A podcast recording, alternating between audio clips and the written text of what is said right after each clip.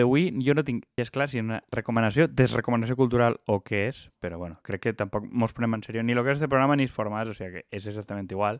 És que volia parlar d'un llibre que vaig llegir fa poc, que realment no, ni, ni el vaig agarrar ni el vaig comprar, el vaig, eh, me'l vaig baixar gratis d'internet, eh, modo e-book. Això ho pots és? reconèixer. En... Sí, perquè està en una pàgina en obert, què passa? Ai, no, jo, jo no vull que ens busquem problem, eh, problemes legals eh, a, a dos mesos d'haver començat. Eh, bueno, pues ja està, que em denuncien, si volen. Eh, que és de Me cago en Godard, de Pedro Ballín, un llibre sobre cinema americà i europeu i tal, que primerament em planteja diverses preguntes i la primera és si Pedro Ballín és una persona que em cau fatal en internet. Jo és que anava a dir una cosa, dic, jo en el llibre això no me l'he llegit, entonces anava a estar una miqueta de eh, escoltar lo que anaves a contar-nos.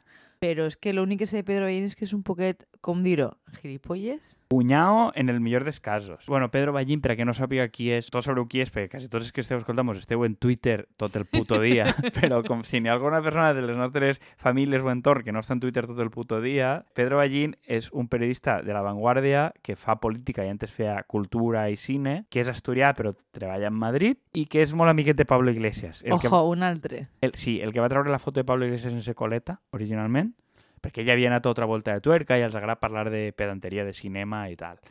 Sí, no anava a dir una... Bé, una digues una maldat, ja que estem. No, és que els agrada sentir-se importants en algun puesto, no sé com dir-te. Necessiten sentir-se intel·lectuals. Sí, en els sentits intel·lectuals i és esta corrent, rotllo cultural studies, que gasta les referències culturals com una manera de, de, de valdre's i un passaport de ser guai. De todo se sale, jo també he estat ahí. L'únic que som més jove i ja ho he superat. Vull Sí, que... és la militància universitària, però en 45 anys. un poc. Bueno, eh, de Pablo Iglesias podria dir un poc el mateix, eh? Mm, Pablo Iglesias jo crec que no ha arribat a eixir d'ahir, per una etapa breu de la seva vida pareix que va estar en què? En un govern? No ho sé. En algo? Em No ho sona? sé, no, no me'n recordo. Pe- no però ara ha tornat a la seva vida normal, que és anar a tertulió i dir barbaritats, i el que això més obvi que li divertix. Pues una del, un dels seus... I que mos alegrem que siga un poc més feliç el senyor, també. Que sí, ens alegrem que siga feliç, però té una facilitat patològica per a fer-se amic de gent com Iván Redondo, que, bueno, Iván Redondo, eh, jo suposo que tots en recordeu que és un senyor que porta peces d'escacs a la butxaca. Això és de veres. No vas veure el, el Salvados aquell, el programa d'Évole d'entrevista, que van fer la, la intro aquella del Gran Lebowski? Quantes voltes he de contar que no, no, no, no me'n recordo de res o no m'enteré de res en general? Vull dir, quan, quantes voltes, hasta que siga absolutament evident que normalment no tinc ni puta idea de lo que estic parlant, fins que ho assumiu. Cal, cal que dir a l'audiència, este programa al final serveix exclusivament per això, per a que deixem coses enregistrades i després enregistrades les puc escoltar i dir què pensava jo sobre esta cosa? Ah, no, no, però és que jo, jo eh, grave este programa i demà ja no me'n recordo de què estava parlant. O sigui, eh, Per això, com a em queda una prova en totes les plataformes, sabeu que mos podeu trobar a totes les plataformes de podcast, etc. I totes... Mare meva. en... Sara, Sara sí no n'hi ha vergonya de cap classe. Ella pot entrar i pot trobar la seva memòria enregistrar, digitalitzar per al futur, etc. Esteu ajudant el meu futur incipient Alzheimer. el futur, en l'incipient Alzheimer, Ivan Redondo va anar a l'entrevista d'Evole, era fer una explicacioneta que durava pocs segons, ell es treia peces d'escacs per a fer una explicació. És com dir, si això estàs jugant d'escacs i ho agarres en mans, vale? No vale, però bueno. No. I ho dic, ho diu una persona que ha jugat a escacs i inclús té el títol de monitor. Però dic, no, no vale, roja. O sea, red flag. Que no, això no s'ha de fer. Però és que damunt, vamos, és que és una persona que mm, tot el que diu cunya d'ella i a més mentix de forma òbvia. Però no estem parlant d'Ivan Redondo. Sí, però és que el perfil de Vallín és molt semblant. Vallín és una persona a qui illen dient coses que són mentira i cunya d'ella igualment, en fi, patró de barco, que té un... No És sé patró de barco? Sí, no sé si té un velero, no sé què, però és És com que no se pot ser més senyor que És que no es pot ser més senyor i crític de cine. I per això, és que crec que es pareixen molt en un perfil de gent que la majoria de gent odia, que la majoria de gent s'ha donat compte que és més o menys un farsant, però que Pablo Iglesias es porta bé, que a mi em sap mal, perquè Pablo Iglesias m'agradaria que em caiguera millor. però és que dius, fill Lo meu, siento mucho, Pablo. fill meu, és que tens uns amics, tens Pedro Ballín, Juan Carlos Monedero i Iván Redondo, que són teus amics personals. Això no és un trio de ases, com a mínim? Mm, sí, sí, bueno, sí. no, sé, no sé jugar a pòquer, o sea... que- Eh, ¿Eso es de jo- póquer, lo que acabé de dir, o m'ho acabé inventant? Eh, jo no- tampoc sé jugar a pòquer. O sigui, Quina com que que fer diners? un trio d'ases serà millor que un as, entenc, perquè n'hi ha més. o sigui, per una lògica purament quantitativa. bueno, eh, estem aquí ja parlant de pòquer. Estem dispersíssims. Bueno, tornem al tema, vinga. Eh, bueno, bé, eh, Pedro Ballín, que és, és este crític cultural, crític de cine, que ha sigut un dels creadors dels Premios Feroz, que són els premis estos que donen els crítics de cine espanyols, Que, es, de que es cine. donen a si Que es a si mateixa. mateixa. Sí, bueno, com a que sabem molt de cine, mejor que los Goya, etc. I fa un llibre que pretén demostrar que el cine europeu és fatxa o és reaccionari i que el cine americà és guai i és progre. I és perquè el cine americà mm, fa històries de contes per a, i de superherois, en general de més coses, que respon més a lo que vol la societat, perquè és un producte de consum i ho veu més la societat i l'autoria és més col·lectiva, i el cine europeu està molt centrat en el director. I són coses que només entén el director i que són molt d'autor i són per a minoria. Per entendre-mos i sent molt vastos. És la diferència entre cine que trobes en Netflix o en Filmin. Tot i que després Pedro Ballín Bueno, mira bueno. Filmin tot el rato, però bueno. Jo no estic d'acord en això. Jo, jo és que pense que té més a veure en la idea d'art en general i de, i de producció bastarda, per, per ser, seguir este ambient vasto, no? Dir-te, i a més en Ne- Netflix n'hi ha coses que després te- tenen certa qualitat i altres que són de consum diari i filmin el mateix, vull dir que no, no crec que hi hagi una, una distinció tan fàcil de fer de les plataformes. Però el que, lo que tot apuntes, és, eh, jo penso que la idea està de l'art europeu com a artístic i com a la valoració, a mi també se me fa pes. És a dir, jo crec que, sense haver-me llegit el llibre, i est estem així per no val això... la pena. Les contra... Eh, això podria ser com la nostra segona contrarrecomanació, en realitat. Ja van fer... Bueno, Valeria no sé si la van contrarrecomanar al final. No o, si, ho sé. o, o si van dir que, que mos havia agradat. Valeria, jo no sé si ho, va, si ho va seguir molta gent que li havia agradat o no. Crec que alguna gent que li havia agradat mos va bogejar. Bé, eh, m'és igual. Eh, anem a fer el que, lo que seguim fent. No, però vull, vull dir que, que crec que apunta una cosa interessant, que és la gent que es percebeix a si, mism, a, a si mateixa com a artistes tendeixen a ser subnormals. I això és una cosa que pense que com a, com a idea central està molt bé. Vull dir que hi ha coses que tenen més que veure en, en una idea de consum, que encara que no siguem nosaltres especialment fan, però que responen més a, a interessos del públic, que són al final els que van anar al cine. Però ahí també entra, entra Santiago Segura, nuestro querido amigo Santiago A veure, Segura. ahí- ahí- ell el que diu, que jo estic prou d'acord en, en, en algo de lo que critica, que és que el cine europeu està molt pensat sobre la premissa de l'autor únic. Almodóvar és una pel·lícula d'Almodóvar. Tu d'una pel·lícula d'Almodóvar no te'n recordes ni qui ha fet el guió, Uf, ni qui ha fet res. A mi Almodóvar. Almodóvar, ah, pues Almodóvar triomfa molt internacionalment i la imatge d'Espanya. A mi Almodóvar em pareixia infumable 1997 i m'ho sembla avui. Jo la última pel·lícula que vaig veure d'ell no me'n vaig eixir de miracle. Quina? No ho sé, una que parlava sobre les seues obsessions de sa mare, que podria ser qualsevol Totes? pel·lícula. No sé, però era com que tenia molts atxaques, per tant ja era major i no sé quantos deixia banderes. No, has de dir a mi. Mira, no me'n sé cap de les últimes. Per favor, al, Però que era, o sigui, que era com la típica cosa que dius, és que la imatge és tan bonica. Dic, jo no vaig a veure un quadre al cine. Vull que em conten una historieta, collons. que mos juguem que alguna persona dels seguidors escriu dient la pel·lícula que citeu és tal. Spoiler, no mos importa. No, cal que m'importa ho una puta merda. O sigui, o sigui, no anem a respondre't en un like o res dient ai, gràcies per esta referència. No, no mos interessa el més mínim perquè no mos interessa el Modóvar, ni el cine ni res, en general. La, la premissa que jo qüestionaria dintre d'això, que jo penso que és cert, és a dir, que la idea de l'autor únic tendeix a fer les coses molt autocentrades i, i, crec que en general, però és aplicable a altres, mm, altres arts, per dir d'alguna manera, la creació comunal és molt més interessant que la individual, però encargaria un poc la idea de que el, el cinema estadounidense siga més progre, perquè ahí tens Disney, que vull dir que, que vale que ara tindràs una sirenita negra, però si jo siguent una història de puta merda, jo ho sé molt. Vull dir i, i jo vaig, veure- vaig anar a veure al cine Cruella de Vil, perquè a mi m'agraden les pel·lícules. Eh, és a dir, tingueu en compte també que jo sóc una persona que sóc molt perigosa i que per tant puc veure molt poques pel·lícules, perquè totes em fan susto. Llavors veig moltes pel·lícules de Disney. I vaig anar a veure el cine Cruella de Vil, que era com, ai, mira que guai, este, les, les anem a resignificar les dones males, però la manera de resignificar la dona mala és a crear-ne una molt pitjor. I sent que, sent que l'espoiler, perquè al final, vull dir també tenen les seves limitacions i, i són, són prou fatxetes. Eh, És a dir, han introduït una idea de, de major diversitat, però si la, la, la història segueix sent la mateixa i segueix sent una basura, doncs n'hi ha poc a fer. A veure, ell diu coses que no estan malament. La primera que, que diu que l'autoria és més col·lectiva. Tu penses en una pel·lícula, mira, també és, també és de Disney, de Marvel, no? Per exemple. Però és comprada a posteriori, no? Sí, però les, les pel·lícules últimes, tot el cicle de Marvel últim, que a partir de 2010 o tal, tot l'ha produït Disney ja, del conscientment. Igual que les últimes de Star Wars. Siga bo o va Sòfia. Però són històries... Tu quan fiques les últimes de Star Wars o les de Marvel, cada una l'ha dirigit un director diferent. Els guions l'han fet diferents. El creador de la història, que és el, el que ha fet el còmic, Stan Lee o el que siga, també és diferent. N'hi ha una idea més clara de que ha participat varia gent. Ell devia dir que com, es fa, com fas pel·lícules com si foren botifarres i n'hi ha una autoria molt més col·lectiva i les fas per a que les consumisca molta gent, acabes estant més atent a lo que la gent vol. Mentre que si tu tens un creador únic, ell, per exemple, per entendre'ns, la categoria de cine europeu clava Woody Allen. No és perquè siga americà.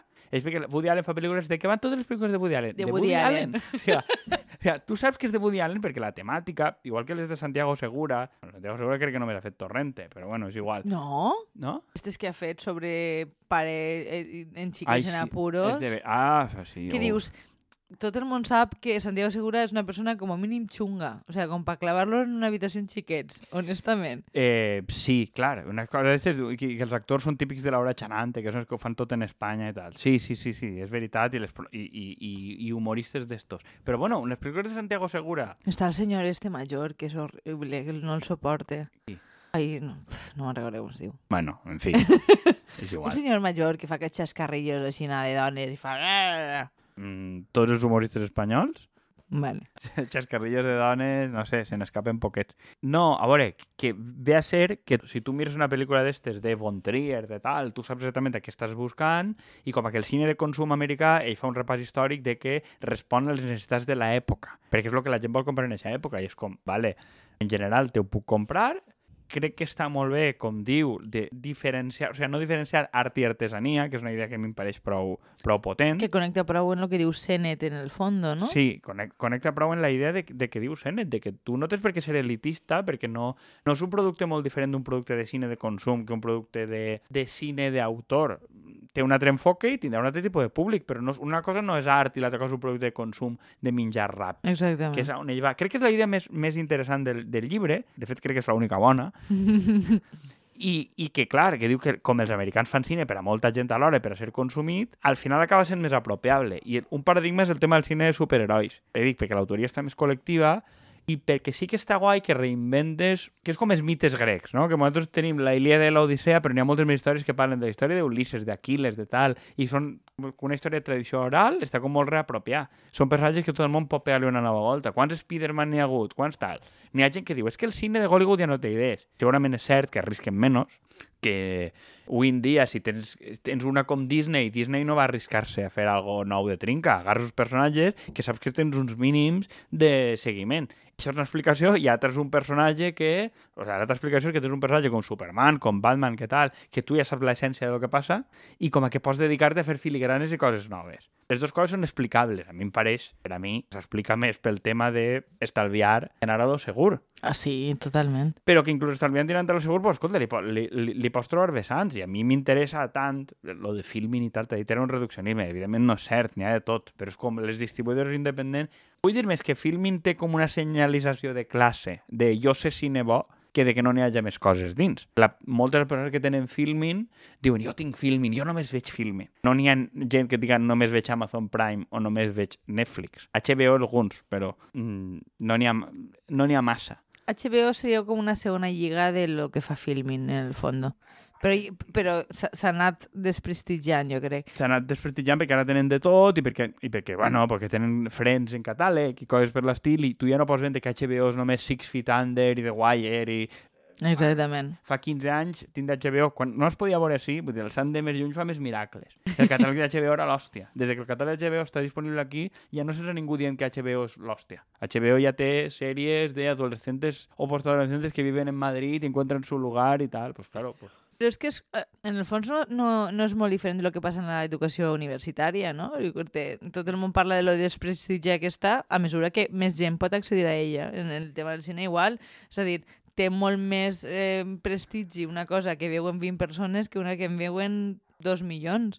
Per què? Perquè si només l'entenen molt poques, pues resulta que és un producte d'elit. És com la literatura de supermercat, no? que, que està com molt desprestigiada. Els llibres de que llegeix la gent, siguin novel·les d'amor, rotllo Valeria, o de literatura històrica, rotllo de romans i tal, que pots, que pots trobar en el Carrefour, no? que està com molt, molt desprestigiat, que està molt desprestigiat perquè la gent ho llegeix. Pues probablement no és el que jo llegiria, però també no és el que jo menjaria sempre, i tampoc em sembla mal que la gent lliga.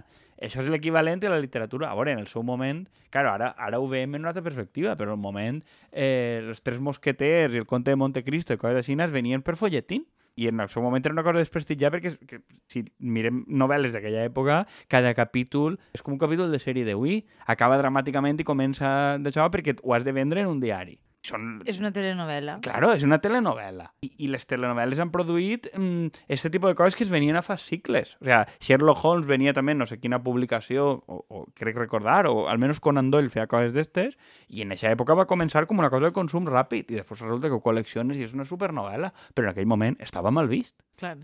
Per anar tancant, quan ha sigut l'última volta que has anat al cine? Pues no me'n recordo, i devia ser abans... A, a, devia ser, crec, que des d'abans del Covid no m'he clavat en una sala de cine. Pues vaja, desastre, eh? Pues va, o sea, a nivell de consum, però bueno, pa que filmin. Ah, bueno, ja està. Les productores espanyoles poden ser contentes amb mi. Ja, ja, bueno, ja te fem el xec i ja pots estar tranquil. Jo no sé quina és l'última volta, però crec que vaig una pel·lícula que em va assustar molt, per tant, probablement la borraré de la meva memòria. Alguna pel·lícula francesa, de més, en versió original, perquè veieu molt de dir de consum, però així... Moltes fem aquestes coses, però a diferència d'altres gent que podeu trobar, deplorem aquests hàbits. No, no vol dir que no, no els exercim, però bueno, és com el que va alguna volta... Però no mos ho prenem en sèrio. No. No és la nostra identitat parlar de cine europeu, per l'amor de Déu. No, ni és la identitat d'anar a un restaurant Michelin, ni A, el a més, et diria que, que lo del cine europeu és com la idea que els nord-americans tenen d'Europa. És que ni en això som originals. O sigui, que és una idea d'Europa com a concepte que crec que no me la creguem gens nosaltres, dir, que, que la tenim important és com quan parlen de eres, eres europeu o eres, o eres gay, que és una cosa que és molt en el, en el cinema nord-americà quan fan burla, no? de no saber identificar. Pues, és una miqueta hereu del, de la mateixa idea generalista de lo que és el cinema. Per això, el que fan de Woody Allen, que Woody Allen és un producte americà, però alhora les coses que fa Woody Allen són molt europees, molt urbanita, molt poc masculí, molt jueu, no? O sigui, tots aquests arquetips del cine europeu és més un estil, no? A l'hora de fer que, que, que, un, que un contingut, però que no té sentit. És com dir la música en català. Total, que mos han quedat per, per eh, parlar si podem diferenciar obra d'autor, que era la, la primera inicial que hem deixat ahir i, com sempre, després mos hem oblidat Home, de comentar. Si, si l'obra en si fora l'hòstia i no fora presuntuosa, pues, probablement jo mantindria la discussió, però jo dic que el llibre m'ha agradat, per, m'ha agradat perquè suscita este debat que és útil, primera, i perquè crec que té un parell d'idees bones, en la qual a mi, almenys a mi m'ha compensat llegir-me el cosa que no acabar-ne perquè no me l'ha acabat i va fer gossera. És a dir, Me siga, siguem sincers, tampoc m'havia costat diners. A mi m'agradaria algun dia explicar els llibres que vaig començar però no he pogut acabar, perquè n'hi ha moltíssims i de molta gent que, que és prou coneguda. Però bueno, això ho deixem per un Eh, altre dia. això crec que seria inclús un podcast secundari. Conforme este Un programa... spin-off. Conforme este programa vagi fent spin-off i tal, que aneu amollant la guita, eixe cau segur dels primers, perquè n'hi ha material de sobre, vaja. Començaria per Gopegui, només vull dir això. Ah, bueno, sí, un, un, dia, un dia parlem de Gopegui i la literatura femenina del cos. Ui, Dios mío. Eh, sí. Pues posar el cos. bueno, però eh, Gopegui la, la posa... Em va alegrar molt que Chirves la posa caure del burro a Gopegui en el diari. Bueno, això, això ja ho parlarem un altre dia perquè ja estem tancant este programa i vos deixem així fins a la pròxima. Adeu. Fins a la pròxima, tot això ho seguirem desenvolupant. Adeu.